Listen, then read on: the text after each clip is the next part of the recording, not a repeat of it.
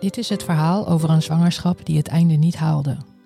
Over wat er gebeurt als je baby zo vroeg wordt geboren dat ze zonder hulp van artsen niet zal overleven.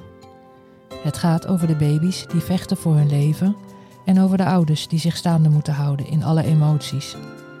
Over verwachtingen die niet uitkomen en over de periode erna. Podcast Prematuur gaat over de helden van het eerste uur. Ik ben Vanessa. Welkom bij Podcast Prematuur.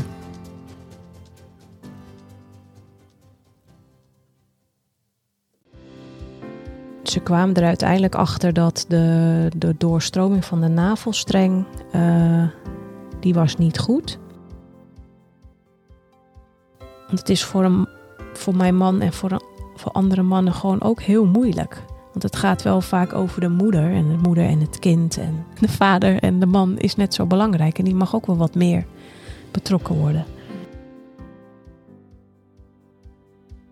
Vandaag zit Esther bij mij in de studio. Ze is 39 jaar oud en is 14 maanden geleden bevallen van haar zoontje Jonah met 35 weken. Hij woog 1815 gram.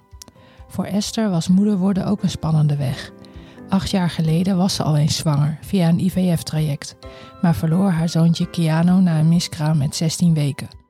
Niets is vanzelfsprekend. Hier is Esther.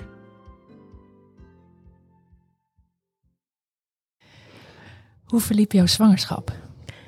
Uh, die verliep niet al te goed.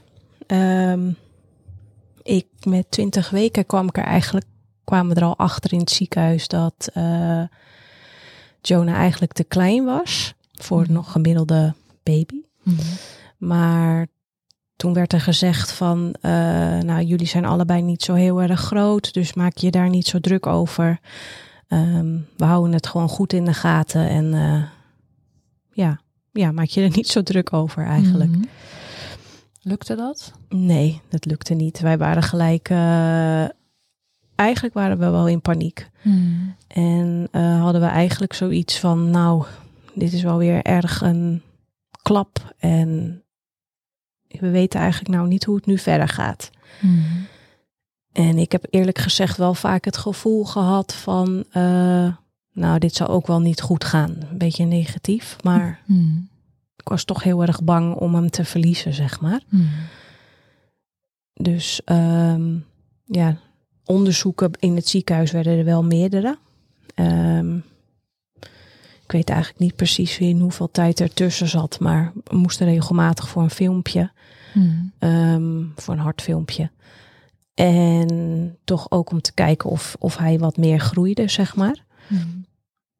Nou, daar zagen ze wel steeds van, nou, het gaat niet echt, hij groeit niet echt heel goed, maar hij groeit wel. Hmm. En ze kwamen er uiteindelijk achter dat de, de doorstroming van de navelstreng, uh, die was niet goed. Hm. En ja, dus dat moest goed gemeten worden, meerdere keren in de week op een gegeven moment ook. Hm. En um, ik moest goed op blijven letten of ik, uh, als ik hem al ging voelen, zeg maar, hoe vaak voelde ik hem dan op een dag en voel ik hem überhaupt nog? Nou, dat gaf ook super veel stress. Mm, kan me voorstellen. Want ik, ik voelde hem niet altijd, maar nu ik zo bewust moest opletten, mm. voelde ik hem soms helemaal niet. Mm. Nee, dan ga je maar bellen en zeggen dat je hem niet voelt. En dan moet je langskomen om, uh, ja, om aan het CTG te gaan voor het hartfilmpje. En dan laat hij zich weer even horen en dan hè, opluchting. Mm-hmm. Maar het was pittig moet ik mhm. zeggen. Mm. Um, maar ook heel veel angst gezeten ook. En zo, zeg maar 24 uur rond jouw bevalling, vertel eens daarover. Oh, dat was ook wel. Uh, ik wist begon niet wat me te wachten stond eigenlijk. Ik, ik lag al een paar dagen in het ziekenhuis. Mm. Um, omdat de doorstroming van de navelstreng was te hoog. En ik mocht echt niet meer thuis blijven.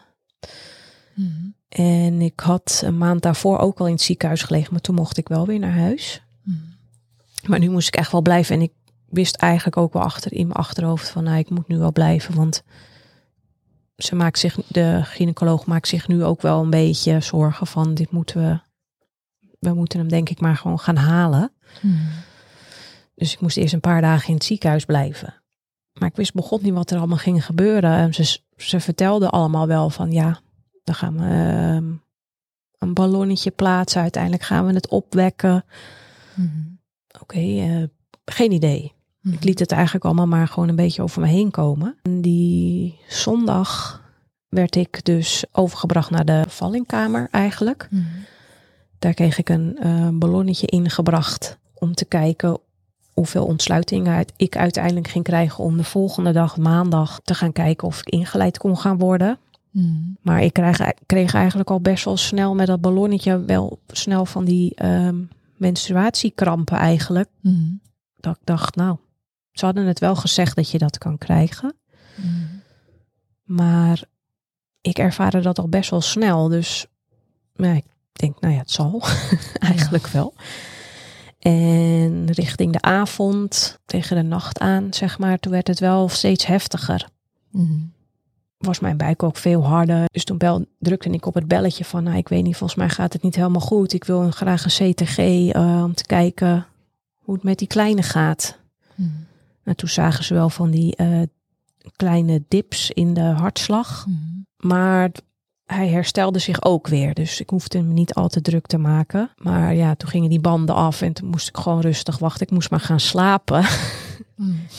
nou, ik, kan niet, ik kon niet slapen. Nee. Dus ze wilden me eigenlijk medicijnen geven om te gaan slapen. Dat wilde ik eigenlijk niet. Hmm. Maar ik heb het toch maar gedaan. Dus ik kreeg een pilletje, denk ik, om te slapen. Maar ik was er wel gewoon nog eh, bij. Oh. En ik vertrouwde het weer niet. Ik zeg, ik, ik wil weer een CTG, want ik vertrouw het niet. Ja, dat is goed. Eh, maar dan zetten we wel het beeld uit, zodat je niet mee kan kijken. Ehm, maar wij zien het sowieso wel bij ons op het scherm. Hmm. Maar je hebt ook nog helemaal geen, niet genoeg ontsluiting, dus ik zou me niet al te druk maken. Maar het werden steeds heftigere weeën, denk ik. Dat dat, Mhm. dat, dat weeën zijn, dat weet ik dus niet helemaal. Maar, maar mijn man, die lag naast mij op de grond, zeg maar. Maar die kon zeg maar in een kastje de hartslag zien van het kindje dan, van Mhm. Jonah dan. En die zag hij steeds dalen. Dus hij eh, had, en hij wou dat niet tegen mij zeggen. Dus hij dacht, nou, het zal wel. eh, maar hij zag het wel steeds dalen. Nou, en toen eh, ehm, waren ze al een keertje binnen geweest weer om even te checken, maar hebben ze niks gezegd. Toen ineens eh, stonden ze met vier man, denk ik. Licht ging aan, moest echt nu met spoed naar de OK. Een spoedkeizersnee. Hmm. Want het ging helemaal niet goed. Hij had te veel dips. Dus hij had het echt heel erg zwaar in de buik. Hmm. Nou ja, wat je dan allemaal. pff, geen idee wat er dan allemaal door je heen gaat eigenlijk. Je leeft helemaal in zo'n. in een slechte film, denk ik. Voor mijn gevoel eigenlijk wel. Wat, wat dacht je toen je dat hoorde? En je voelde die energie omhoog gaan, denk ik, Ja. in de kamer. Ik probeerde nog een beetje. eh, ja, ik schoot natuurlijk vol. Ik moest wel gelijk huilen. Want Ja. ja, wat gaat er nu gebeuren? Gaat het goed komen? Ehm, dat weet je allemaal niet. Je krijgt een infuus, dat lukte niet. Dat infuus konden ze niet aanbrengen bij mij. Dus ze continu prikken. Maar ik voelde het eigenlijk ook niet. Ik was zo in een adrenaline eigenlijk. ehm, Hmm. en ik maakte me eigenlijk alleen maar druk om mijn mam. Oh?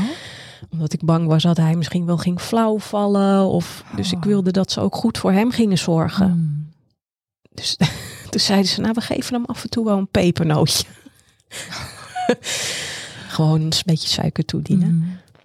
Eh, mijn zusje die was toevallig ook en die heeft stukjes gefilmd dat we van de kamer de lift in gingen. En vanuit de lift naar de OK. En daar is dan ook het hartje te horen achter op het filmpje. Hmm. Die kijk ik trouwens nog dagelijks terug. Ja, Om gewoon, zondag. ja. ja, ik vond het heel fijn dat ze er was. Hmm. Ze heeft het dan, was maar een klein stukje film, maar ze heeft het toch wel kunnen filmen. Ja. Ja, Maar dat zie je zelf niet. Nee. natuurlijk. je ziet jezelf niet weggereden worden. nee. Hmm. Ja, en op de OK, geen idee. Ik, ik was misselijk. ehm, ja, ik weet helemaal niet precies hoe dat ging, maar ik werd op het bed getild, denk ik. Dat stuk weet ik dus niet meer. Hmm. Ik kreeg een ruggenprik waar ik zelf niks van voelde. Ehm, Was je man bij je? ja, hij, ja, mijn man was, die was erbij, maar ik, ik heb het niet goed steeds meegekregen. Dat vind ik eigenlijk wel heel naar. eh, dat je niet samen echt, we waren wel met z'n twee daar op die afdeling, maar toch was je van elkaar een beetje gescheiden, denk ik. Ja, het voelde helemaal niet als dat je met z'n tweeën nu je kindje gaat krijgen of dat hij komt. Of Hmm. ik weet überhaupt, ik wist überhaupt niet of het goed ging komen. Ik was eigenlijk alleen maar bezig van ik ben misselijk. Ik weet niet of ik straks ga flauw vallen of het komt allemaal te, te dicht op me af. Of, maar je, ik werd dus ook neergelegd. En mijn armen die werden ook volgens mij een soort van vastgebonden op dat bed. Weet ik niet of dat zo is, maar dat gevoel had ik. en ik had het koud en ik was aan het trillen. En, ehm, maar dat was allemaal normaal, zeiden ze. Maar Hmm. voor mijn gevoel dacht ik, jee, volgens mij, eh, dit gaat helemaal niet goed hoor. Dus ik kreeg medicijnen voor de misselijkheid. En die, ik heb uiteindelijk, ik dacht eigenlijk, ik moet zo meteen wel overgeven. Maar dat, dat hoefde gelukkig niet. En dat was ook nog wel grappig. Ik, ehm, ik raakte in, op een gegeven moment in paniek. Ik zeg, ja, maar ik, hoe weet ik nou of die ruggenprik werkt? Want straks gaan ze snijden en voel ik dat. Hmm. Waarop er door de gynaecoloog gezegd, mevrouw, we zijn al een tijdje bezig. Oh. En toen heb- schijn ik dus een paar keer, oh sorry hoor. ehm. en dat vond hij vervelend voor mij. Hij zegt, hou maar op met sorry zeggen, dat is niet nodig. Hmm. Dat is heel vreemd. Het was, ze waren dus al bezig. Eh, ik hoorde af en toe van die dingen. En ik wist begot niet wat ze allemaal aan het doen waren eigenlijk. Hmm. Eigenlijk is het een beetje langs me heen gegaan. ehm. en voor mijn man ook, want die zat naast me. Maar toch waren we niet samen. Omdat het natuurlijk eh, een spoed eh, keizersnede werd. Toen uiteindelijk is Jonah dan eh, geboren. En toen liet ik had dan een soort van eh, scherm tussen mij en ehm, Jonah in zitten. Dus ze lieten hem zien. Hmm. Toen dacht ik, oké, ja. Is dat mijn zoon? Geen idee. En, en vrij snel daarna is hij weggebracht. Dus ik heb hem ook niet vast kunnen houden. Of eh, mijn man was ook gelijk weg, want die moest mee. Nou, en, en ik weet dan van hem dat dat best wel heftig geweest is, dat stuk. En ik was alleen maar, oh, eh, ik heb het koud, ik ben misselijk. ehm, wat zijn ze aan het doen? Eh, daar was ik eigenlijk op dat moment alleen maar mee bezig. Terwijl het voor mijn man daar behoorlijk heftig was eigenlijk. Zijn vrouw ligt beneden in de OK. ehm, zijn allerlei artsen met je zoon bezig. Eh, hij mag dan op dat moment ook nog de navelstreng symbolisch doorknippen. Want dat was natuurlijk al ge- doorgebroken. Maar hij mocht symbolisch dan nog doorknippen. Daarnaast wordt die kleine beademd. En eh, ja, dat is best wel heftig. Eh, ademde Jonah wel een beetje zelf, weet je dat? Nou, volgens mijn man dus niet. In het begin, zover hij het zo zelf ook een beetje kon zien. Want hij werd ook een beetje blauw-grijs. Uiteindelijk wel. Uiteindelijk is hij wel zelf gaan ademen. En ehm, ja, mocht hij naar, naar de neo-afdeling toe. Maar wat ik ook, eh, wat ik me nog kan herinneren. Mijn man was ook helemaal in een blauw tenue. Hmm. Een eh, mutsje op. En hij ze kwam op een gegeven moment ook naast me. Toen dacht ik, ik wist eigenlijk niet eens dat hij het was. Ik dacht eigenlijk, het is iemand ook van een arts. Ja. Mhm. Maar toen zei hij, wat gaat hartstikke goed met hem. Hij doet het hartstikke goed. Ik ga nu eh, met hem naar boven. Ik zie je, ik zie je zo. eh, het gaat allemaal goed. Hmm. En ehm, wat ik dan van, van mijn man weet, is dat hij uit de lift kwam met Jonah. En op dat moment eh, stond mijn moeder en mijn schoonmoeder daar ook te wachten. Ehm, ze zagen de, ze hadden niet eens door dat mijn man ook daar liep. Omdat, ja, Dat tenue. ja, hij was eigenlijk ook gewoon een soort van arts in hun Ja. ogen. Maar ze hielden de oma's ook tegen. Zo van nee, eh, jullie, jullie mogen hem niet zien, eerst de moeder. En dat, ze dat, dat vind ik wel mooi dat ze dat doen. Hoe het daar verder even gegaan is, daar op die afdeling zelf, dat weet ik, dat weet mijn man volgens mij ook niet. Want die zat, ja, ik moet opa's en oma's inlichten. Mijn vrouw ligt daar, mijn zoon ligt daar. Dus die stortte volgens mij, die stortte zelf ook even in. Dat hoorde ik dan wel. Dat hij het gewoon heel moeilijk had op dat moment. Hmm. Dat we eigenlijk gescheiden waren van, van ons alle drie eigenlijk. Hmm. Daar heb ik wel moeite mee nog steeds. Hmm. Na de OK werd ik dus naar de uitslaapkamer gebracht. En wat heel mooi was, is dat mijn zus daar was. Oh. Die had gevraagd van, die had gezegd, ik wil mijn zus daar niet alleen laten, mag ik naar haar toe? Dus dat Mm. vond ik heel fijn dat zij daar was. Hmm. Maar ik, ik zat onder de medicijnen, dus ik was gewoon soort stoned en ik was een Mhm. beetje aan het lachen en aan het doen. Eigenlijk geen idee dat ik eigenlijk gewoon een best wel een wond in mijn buik heb. Mijn kind is net geboren, maar dat had ik helemaal niet door. En ehm, Wanneer denk je dat voor het eerst dat kwartje viel? Dat het echt viel is dat ik dat die eh, ik denk dat die verdoving een beetje uit begon te werken. Toen ik eenmaal op de kamer was Ehm, dat ik dacht huh, wat voel ik? Wat is dit? Eh, oh ja dat is je is je wond die zeer doet en huh? oh dus toen kreeg ik morfine. Wat ik overigens gewoon echt geen fijn eh, medicijn vind maar ja ik moest wel even Mhm. En ik weet nou niet of ik daarvoor nu al bij mijn zoon was geweest of dat ik toen nog heen moest. Nee, volgens mij ben ik daarvoor al geweest en dat ik daarna pas merkte van ik heb gewoon een keizersnee. Mhm. Ehm, nou, dat heb ik gewoon helemaal geblokt lijkt wel. En dat, Mhm. dat heb ik eigenlijk heel snel geblokt, heb ik gemerkt. Ik wilde zo snel mogelijk naar mijn zoon, Mhm. maar dat was, als ik eerlijk zeg, is dat ook heel vreemd geweest. Ik word daar dan met bed en al naartoe gereden en je wordt in de, in de kamer gelegd waar, waar hij dan ligt. Ehm, ja, dit is je zoon, die ligt Jonah. Oké, ik had echt wel, ja, het is mijn zoon, maar ik had geen. En ik voelde me daar zo slecht over dat ik dacht, hoe kan je nou niet, dit is je zoon die daar ligt. Hoe kan je daar nu niet een soort van band mee hebben? Nu ik het zeg, denk ik, jeetje, waarom zeg ik het? Wat erg dat je het zegt. Maar dat gevoel had ik wel. Wat kan jij je herinneren dat je, dat je echt dat eerste dit gevoel kreeg? Zo van, Dat ik zijn dat dat mijn zoon, dat ik zijn ja. Dat is echt wel een paar dagen later. Mhm. Ja. Maar ondertussen ging je wel eh, naar je eigen kamer en dan weer terug. Ja. en kleine bezoekjes in het begin. Ja. Mhm. En, da, en toen had ik dat allemaal ook nog niet door, maar dat, het me, dat was echt wel een paar dagen later. Ehm, toen werd er gezegd van je ma- hij mag naar een eh, open bedje. Dus het, Mhm. het ging zo goed, hij kon zo goed ehm, zelfs eh, voeding binnen, maar ja, binnenhouden nog wel een beetje met een, met een zonde nog. Maar hij kon zijn eigen temperatuur regelen en zijn suiker die was goed.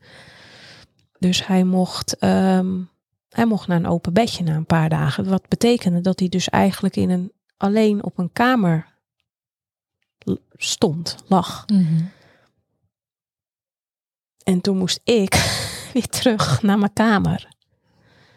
Ja, dat ging niet. Mhm. Ik wou niet mijn zoon alleen daar Mhm. laten. Dat hij nog zeg maar aan de beademing en al die al de draden. En toen vond ik dat oké, want daar, daar moest hij op dat moment liggen en daar konden ze hem in de gaten houden. Maar dat hij alleen op een gegeven moment in een bedje moest liggen zonder, zonder ons. Mhm. Nee, dat ging niet. Dus ik heb echt ehm, totaal alles geblokt. Ik denk, ik moet zo snel mogelijk ehm, bij hem terechtkomen. Dus wat betekende dat ik dus zeg maar uit de kraamzorg van de afdeling ging. Wat ik overigens niet als kraamzorg ervaren heb. Mhm. Want ik lag daar in mijn eentje. Mhm. En ehm, ik wist achteraf, achteraf hoorde ik pas dat dat kraamzorg was. Mhm. Ik denk, oh, geen idee. Dus ik ben heel snel een paar dagen later gaan inroemen bij Jonah op de kamer. En vanaf dat moment is het pas echt wel gekomen dat ik dacht van, is mijn zoon. Ehm, vanaf dat moment kwam dat echt dat gevoel, moedergevoel, een beetje naar voren. Mhm. Want je had het net over eh, dat hij aan de beademing had gelegen op de Ja. open zaal. Ja. Maar was dat ook zo? Of was dat eh, meer een CPAP of een flow? Hoe ging het met Jonah eigenlijk? Ehm, ik heb heel veel dingen, weet ik dus gewoon niet meer. Mhm. En dat zijn nu wel dingen waarvan ik denk, waarom weet je dat niet? Waarom heb je dat niet gevraagd? Waarom? Ik weet alleen van het ging goed. Hij mocht van de slangen af. Hij had alleen dan nog de zonde. Ehm, voor de neuszonde, zodat ze af en toe daar voeding eh, doorheen konden doen. Want eh, en verder, eh, ik weet het dus gewoon niet. Mhm. En dat vind ik, dat vind ik eigenlijk best wel erg. Als ik daar nu over na- nadenk, dat ik dat gewoon dus niet weet. Nou, misschien komt dat nog. Ja. Iets later. Ja, Dat geeft ook niet. nee. Dus ehm, En zijn voeding, heb je kunnen kolven? ehm, nee. Nee? Ik heb het wel geprobeerd, maar het Mhm. was voor mij eh, verschrikkelijk. Mhm. Ik vond het niet fijn. ehm, al die mensen, verpleging, eh, mijn borst vasthouden, Jonah ertussen proppen, ehm, zelf vasthouden, ehm tepelhoedje erbij. Mhm. het gaf mij zoveel stress. Mhm. En eh, ik heb het wel geprobeerd, zeker. Mhm. Maar het kwam niet goed op gang. Dus ik, maar een paar druppels per keer kon ik maar opvangen. Mhm. Maar Jonah raakte ook gefrustreerd, want hij wou heel graag eten. En hij kon het van mij op dat moment niet genoeg krijgen. Dus ja, dan Hmm. haalden ze hem weer weg. En nou, ik vond het heel erg. Maar wel gewoon blijven proberen. Ik had wel zo'n kolfapparaat daar. Die heb ik uiteindelijk ook mee naar huis genomen. Maar thuis heb ik het gewoon afgebroken. Ik zeg, eh, dat gaat niet. Mhm. Geeft te veel stress. Hoe lang heeft Jonah in het ziekenhuis gelegen? Eh, een week uiteindelijk. Oké. Dus Mhm. hij deed het zo ontzettend goed. Ja. Hij eh, moest over de twee kilo zijn. Nou, dat ging al vrij snel. Want hij dronk de flesjes echt gewoon super op. Mhm. En dat werd per, per keer met 5 milliliter verhoogd. Om zo snel mogelijk aan die 2 kilo te komen. Nou, dat ging eigenlijk hartstikke goed. Mhm. En hij liet gewoon eigenlijk al zien van... Ik had het gewoon heel slecht in de buik, maar nu gaat het goed. Mhm. Hij had nog wel ehm, een klein beetje... eh, is dat geelzucht? Ja. Mhm. Dus hij moest uiteindelijk ook in een, eh, in een bedje met blauw licht. Ja. Dat vond ik eigenlijk trouwens ook heel erg. Ja? Ja, vooral ook om de nacht. Om dan zo'n klein mannetje in zo'n couveuse. Dat was uiteindelijk dan wel een dichte couveuse. Mhm. Met een klein maskertje op Ja. over zijn oogjes heen. Mhm. Eh, met die zonde en al, toch. Want, eh, en dan ook nog eens dat blauwe licht alleen in zijn luiertje. Dat vond ik echt heel erg. En hij, hij had het. Hij heeft eigenlijk de hele nacht toen gehuild. Mhm. En de verpleging heeft van alles gedaan om hem even in te bakenen. En ehm, Mhm. van alles om hem rustig te krijgen. En dat lukte wel. Maar zodra ze, ze, ha- ze had hem ook af en toe even uitgehaald om hem bij mij neer te leggen. En toen was het goed. Ah. Dus, ehm, en toen besefte ik me ook van, hij heeft mij ook gewoon nodig. Mhm. Want duidelijk is hij nu rustig en hij ligt nu bij mij. Mhm. En ehm, nou, zodra hij dan weer in die bak ging, was hij helemaal overstuur. Mhm. Maar gelukkig heeft dat maar gewoon een eh, dag en een nacht geduurd. Mhm. En toen eh, gingen jullie naar huis. Ja, Hoe was dat en hoe ging het thuis? nou, het, het ging. Met Jonah ging het allemaal goed, maar. En met ons ook hoor. Mhm. Maar ik vond het echt heel. eh, ik vond het eigenlijk niet fijn thuis. Nee. Nee. ik had ook geen recht meer op kraamhulp. Ik had nog één dag. Dus de kraamhulp kwam en dat was eigenlijk alleen maar. Ging. Ja, en die ging inderdaad. het was alleen maar een hele dag vol met praten. Mhm. Ja, we hadden hem eigenlijk zelf nog nooit alleen in badje gehad. Dus dat moesten we op een gegeven moment ook zelf gaan doen. Nou, dat was, hij vond dat zelf ook helemaal niet fijn. Mhm. Het badje, het was te groot. Hij, want hij ervaarde nog best wel veel eh, ja, spanning. Hij had best wel veel spanning in zijn lijf zitten. Dus hij was vrij snel overstuur met bepaalde dingen. En dat moet je ook allemaal maar gaan ontdekken. Geen idee. Eh, ja, eigenlijk kom je een beetje in een, eh, in een zwart gat of een diep dal een beetje. Want je weet niet wat je moet doen. Ja, je Mhm. weet het wel een beetje. Maar omdat wij nog maar een week in het ziekenhuis maar hebben gelegen, hebben we bijna ook eh, maar een week een beetje hulp gehad met van alles en nog wat. Mhm. En ook met die voeding van, heeft hij nou nog trek? Waarom huilt hij? Heeft hij kramp? Wat is dit? Eh, moeten we voeding ophogen? Ehm, ik snap het niet. Ik weet het niet. Eh, Mhm. ik kreeg af en toe kortsluiting in mijn Mhm. hoofd. Nou, ongeveer zes maanden nadat we eenmaal thuis waren met Jonah, ehm, ontdekte ik een eh, rood oog. Een linker rood oogje. Dus mijn alarmbellen gingen gelijk af, want wat is dit? Dus toen heb Mhm. ik gelijk de huisarts gebeld. En eh, toen mochten we langskomen. En toen bleek dus dat hij een, eh, een oogontsteking had. Nou ja, ik kreeg een zalfje mee. Dat moest ik aan aanbrengen. En ehm, die moest dan een aantal dagen moest ik dat aanbrengen. En dan moest ik er weer mee stoppen om te kijken of het dan eh, beter ging. Nou, het Mhm. was ook weg. Mhm. Maar een paar dagen later begon zijn rechteroog hetzelfde. Dat was ook helemaal rood. En toen later zag ik een wit vlekje op zijn iris. Mhm. Maar dat bleek ik eigenlijk, al, eigenlijk alleen maar te zien. Want mijn, mijn man zag het eigenlijk ook niet echt. Maar ik zag dat en ik denk dat klopt niet. Hoe kan je nou een wit vlekje op je iris hebben? Mhm. Dat heb ik nog nooit gezien. Dus ehm, ik had aan de huisarts gevraagd, hoe kan dat? Moet ik me daar zorgen over maken? Toen gaf ze aan van, nou, het is, dat kan nog van die oogontsteking zijn. Dat moet, dat moet wegtrekken met een paar dagen. En als dat niet zo is, dan moet je even terugbellen. Eh, nou, ik denk drie dagen later eh, zag ik werd het weer eh, helemaal rood op zijn oogwit, zeg maar. Dus zeg maar weer een soort van oogontsteking, dacht ik. Mhm. En de volgende dag zag ik dus een bloedstreep op zijn iris zitten. Mhm. En dat vertrouwde ik al helemaal niet. Mhm. Maar in verband met de corona konden wij niet goed naar de huisarts. Moesten wij foto's doorsturen. Mhm. Nou, dat kreeg ik al niet goed op beeld. En ehm, uiteindelijk was dat dus gesprongen, die, die bloedstreep. Dus had hij Oh. helemaal bloed op zijn iris. Oei. Dus toen moesten we naar de, naar de arts. En die verwees ons gelijk naar de, naar de oogarts in het ziekenhuis. Mhm. En ehm, hij had daarbij ook een wat hoge oogdruk. En de oogarts hier vertrouwde het ook zelf ze had het eigenlijk, ze wist niet precies wat het nou was. Dus toen werden we naar het eh VU doorverwezen. Mhm. En daar kwamen ze eh, er toch ook wel achter het was, eh, dat het een, om een huidziekte zou gaan. Wat Mhm. verder, er zouden wat gele oranje plekjes rond op zijn lichaam te zien moeten zijn, maar die, die waren er niet. Mhm. Inmiddels zijn die er nu wel. Dus het is uiteindelijk ook die eh, huidaandoening. Mhm. En, ehm, maar wat ik ook heftig vond is in het ziekenhuis ehm, gaan ze toch allerlei testen doen. Mhm. Ja, lig je daar, de kleine mannetje op zo'n bank en dan gaan ze met z'n tweeën naar zijn oog zitten te kijken, open houden, druppels erin. Mhm. Er wordt een echo gemaakt van zijn oog.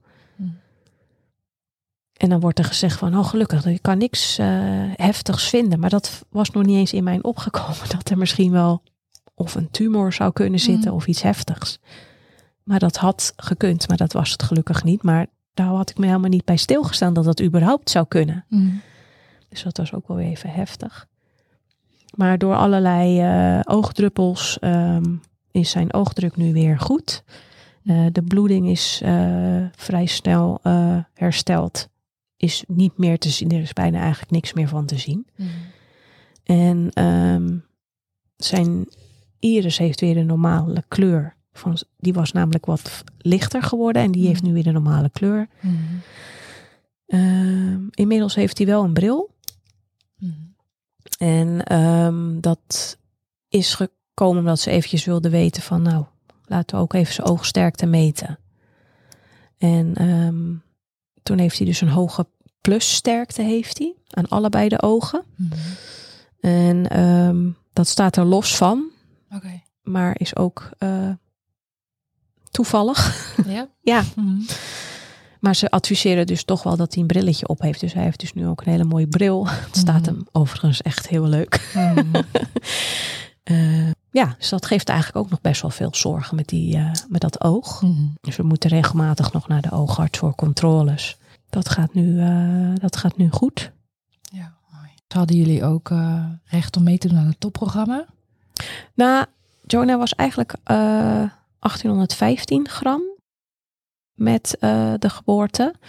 Maar hij was nog wel afgevallen, dus hij was 1720 gram. Maar eh, doordat de artsen vonden dat hij nog veel spanning in zijn lijfje hadden, eh, had. Mhm. En hij ook best wel wat stijfjes was met de beentjes. Was het inderdaad de top, de fysio, zeg maar, aangeraden. Maar in principe heb ik daar, hebben we dan met 35 weken en dat hebben we eigenlijk daar geen recht op. dus eigenlijk ben ik wel dankbaar dat ik mee mocht doen aan, het, eh, aan die topfysio. Want Ja. eh, Linda Nelissen die heeft ons echt super goed geholpen. En daar, door haar werd het ook gewoon steeds beter Hmm. thuis. Nee, weet je eigenlijk wat eh, de oorzaak was van de vroeggeboorte? Het, het hadden wel verschillende oorzaken, maar konden het zijn. Maar eh, uiteindelijk is het door het placenta die niet goed was. Hmm. Waardoor de doorstroming ehm, door de navelstreng niet goed kon doorstromen, zeg maar. Hmm. En Jonah niet genoeg voeding eh, en allerlei andere dingen binnenkreeg. Hmm. Maar eigenlijk ook daarmee is het, was het afgedaan van, weet je, je placenta was niet goed. Ehm, mocht je nog een keertje zwanger willen worden, dan eh, moet je daar ons daarvan op de hoogte stellen. Want misschien kan je dan wat medicijnen daarvoor krijgen. Hmm. Want het zou kunnen dat het weer kan eh, gebeuren. En hoe was het voor je man eh, dit allemaal mee te maken? Ja, heftig. Hm? Ja. Ik, ik, ik weet wel, ik merk ook aan hem sinds we gewoon thuis waren en alles weer helemaal goed was. Dat het voor hem dan ook wel goed was, tussen haakjes. Hmm. Maar ik weet dat het voor hem ook gewoon heel heftig is geweest. En hij heeft er eigenlijk nooit met iemand over kunnen praten. Omdat er, we hebben nooit ouders gesproken of die het soort gelijk hebben meegemaakt. Ehm, en ik denk dat hem dat wel geholpen zou kunnen hebben. ehm, als hij bijvoorbeeld een andere vader had gesproken. Of eh, hoe hij ermee om zou gaan. Of... Want het is voor, hem, voor mijn man en voor, een- voor andere mannen gewoon ook heel moeilijk. Want het gaat wel vaak over de moeder en de moeder en het kind. En nee, nee, de, de vader en de man is net zo belangrijk. En die mag ook wel wat meer betrokken worden. Hmm. En ik weet ook gewoon als we het erover hebben of dan zie ik ook gewoon nog heel veel emotie bij hem. Hmm. Hij heeft dat, dat blijft denk ik ook wel. Eh, hoe denk je dat, ehm, dat, dat alles rond de geboorte van eh, Jonah eh, de relatie met je man heeft beïnvloed? Wij zijn wel echt wel meer een team geworden. Vooral eh, bij, tijdens de zwangerschap eigenlijk al. Dat, dat we veel. ehm, het gaf ook wel veel stress tussen ons. Omdat je toch bang bent om je kind eigenlijk een beetje te verliezen, misschien wel. Dus dat gaf veel stress. Dus we waren een klein beetje uit elkaar gegroeid op dat moment, zeg maar. Maar zodra we meerdere keren per week naar het ziekenhuis moesten, toen eh, raakten we weer steeds meer bij elkaar. Mhm. En zijn we echt wel een heel team. Nu met z'n tweeën, merk Mhm. ik wel. We zijn wel heel erg gegroeid sinds eh, Jonah er is. Mhm. Ja, mooi. Ja. Hey, en tot slot, wat zou je ouders van prematuren willen meegeven? Dat is een hele mooie vraag. Ik zou ze willen meegeven dat ze met alles wat ze willen vragen, waar ze mee zitten, dat ze dat dan ook echt gaan vragen. Want dat zijn vragen die je, die je hebt voor je eigen kind. Dus stel ze ook gewoon. En ehm, blijf goed ook met elkaar praten, denk ik. Als, als, als, als eh, vader en moeder. Want jullie weten precies wat, wat goed is voor die kleine. Het verhaal van Esther is voor mij een duidelijk voorbeeld van wat een impact een vroeggeboorte heeft. Kaal, dus even los van eventuele medische complicaties van het kindje. Een angstige en stressvolle zwangerschap, de shock van de spoed rond de bevalling, het allesbehalve rozige beeld van je kindje dat geholpen moet worden met ademen, in een couveuse ligt, onder een bilirubine lamp moet, moeite met hechting, moeite met melkproductie, ontbreken van fatsoenlijke kraamhulp en de invloed op de relatie tussen de ouders. Ik hoor niet voor het eerst over het dilemma van artsen in de keuze tussen het belang zo lang mogelijk het kindje in de buik laten rijpen versus niet te lang wachten dat het een spoedsituatie wordt. Het was voor Jonah misschien beter om zo lang mogelijk in de buik te blijven qua rijping. Alleen zou er meer aandacht mogen zijn wat een stressvolle spoedbevalling psychisch gezien voor leed veroorzaakt bij de moeder. Het draagt bij aan haar disbalans, met alle gevolgen van dien. Daarom is het belangrijk voor ouders om goed voor zichzelf te blijven zorgen, zowel in het ziekenhuis als na thuiskomst, al was het alleen maar omdat je daarmee je kindje helpt. Zelf heb ik de vroeggeboorte van Vince geparkeerd. Op een gegeven moment begon ik mijn eigen zorgen een beetje zat te worden en leek het wel alsof ik er bewust voor koos het even los te laten. Het hielp me om weer een beetje lief voor mezelf te zijn en voor anderen. Esther benadrukt dat voor haar vriend de vroeggeboorte van hun zoontje Jonah ook echt heftig was. Ik ben het ermee eens dat de focus niet alleen op de moeder moet liggen. Laat dit dan ook een uitnodiging zijn voor vaders om hun stem te laten horen en neem even contact op. Podcast Prematuur over de helden van het eerste uur. Gemaakt door mij, mama van zo'n held. Leuk dat je hebt geluisterd naar deze podcast. Ik weet niet of je zelf moeder of vader bent van een prematuur of op een andere manier betrokken bent, maar heb je iets aan deze aflevering gehad? Iets geleerd, iets herkend en denk je dat anderen het ook waardevol zullen vinden? Dan zou ik het heel erg waarderen als je het zou willen delen op social media, op Facebook, Instagram of LinkedIn, door een screenshot te maken van je telefoon en ons daarin te taggen. Overigens hebben we de website weer een stukje uitgebreid en kan je onder andere ook mijn blog lezen, die ik elke week bijhoud. Alvast bedankt en ik hoop dat je volgende week weer luistert naar een nieuwe aflevering van Podcast Prematuur.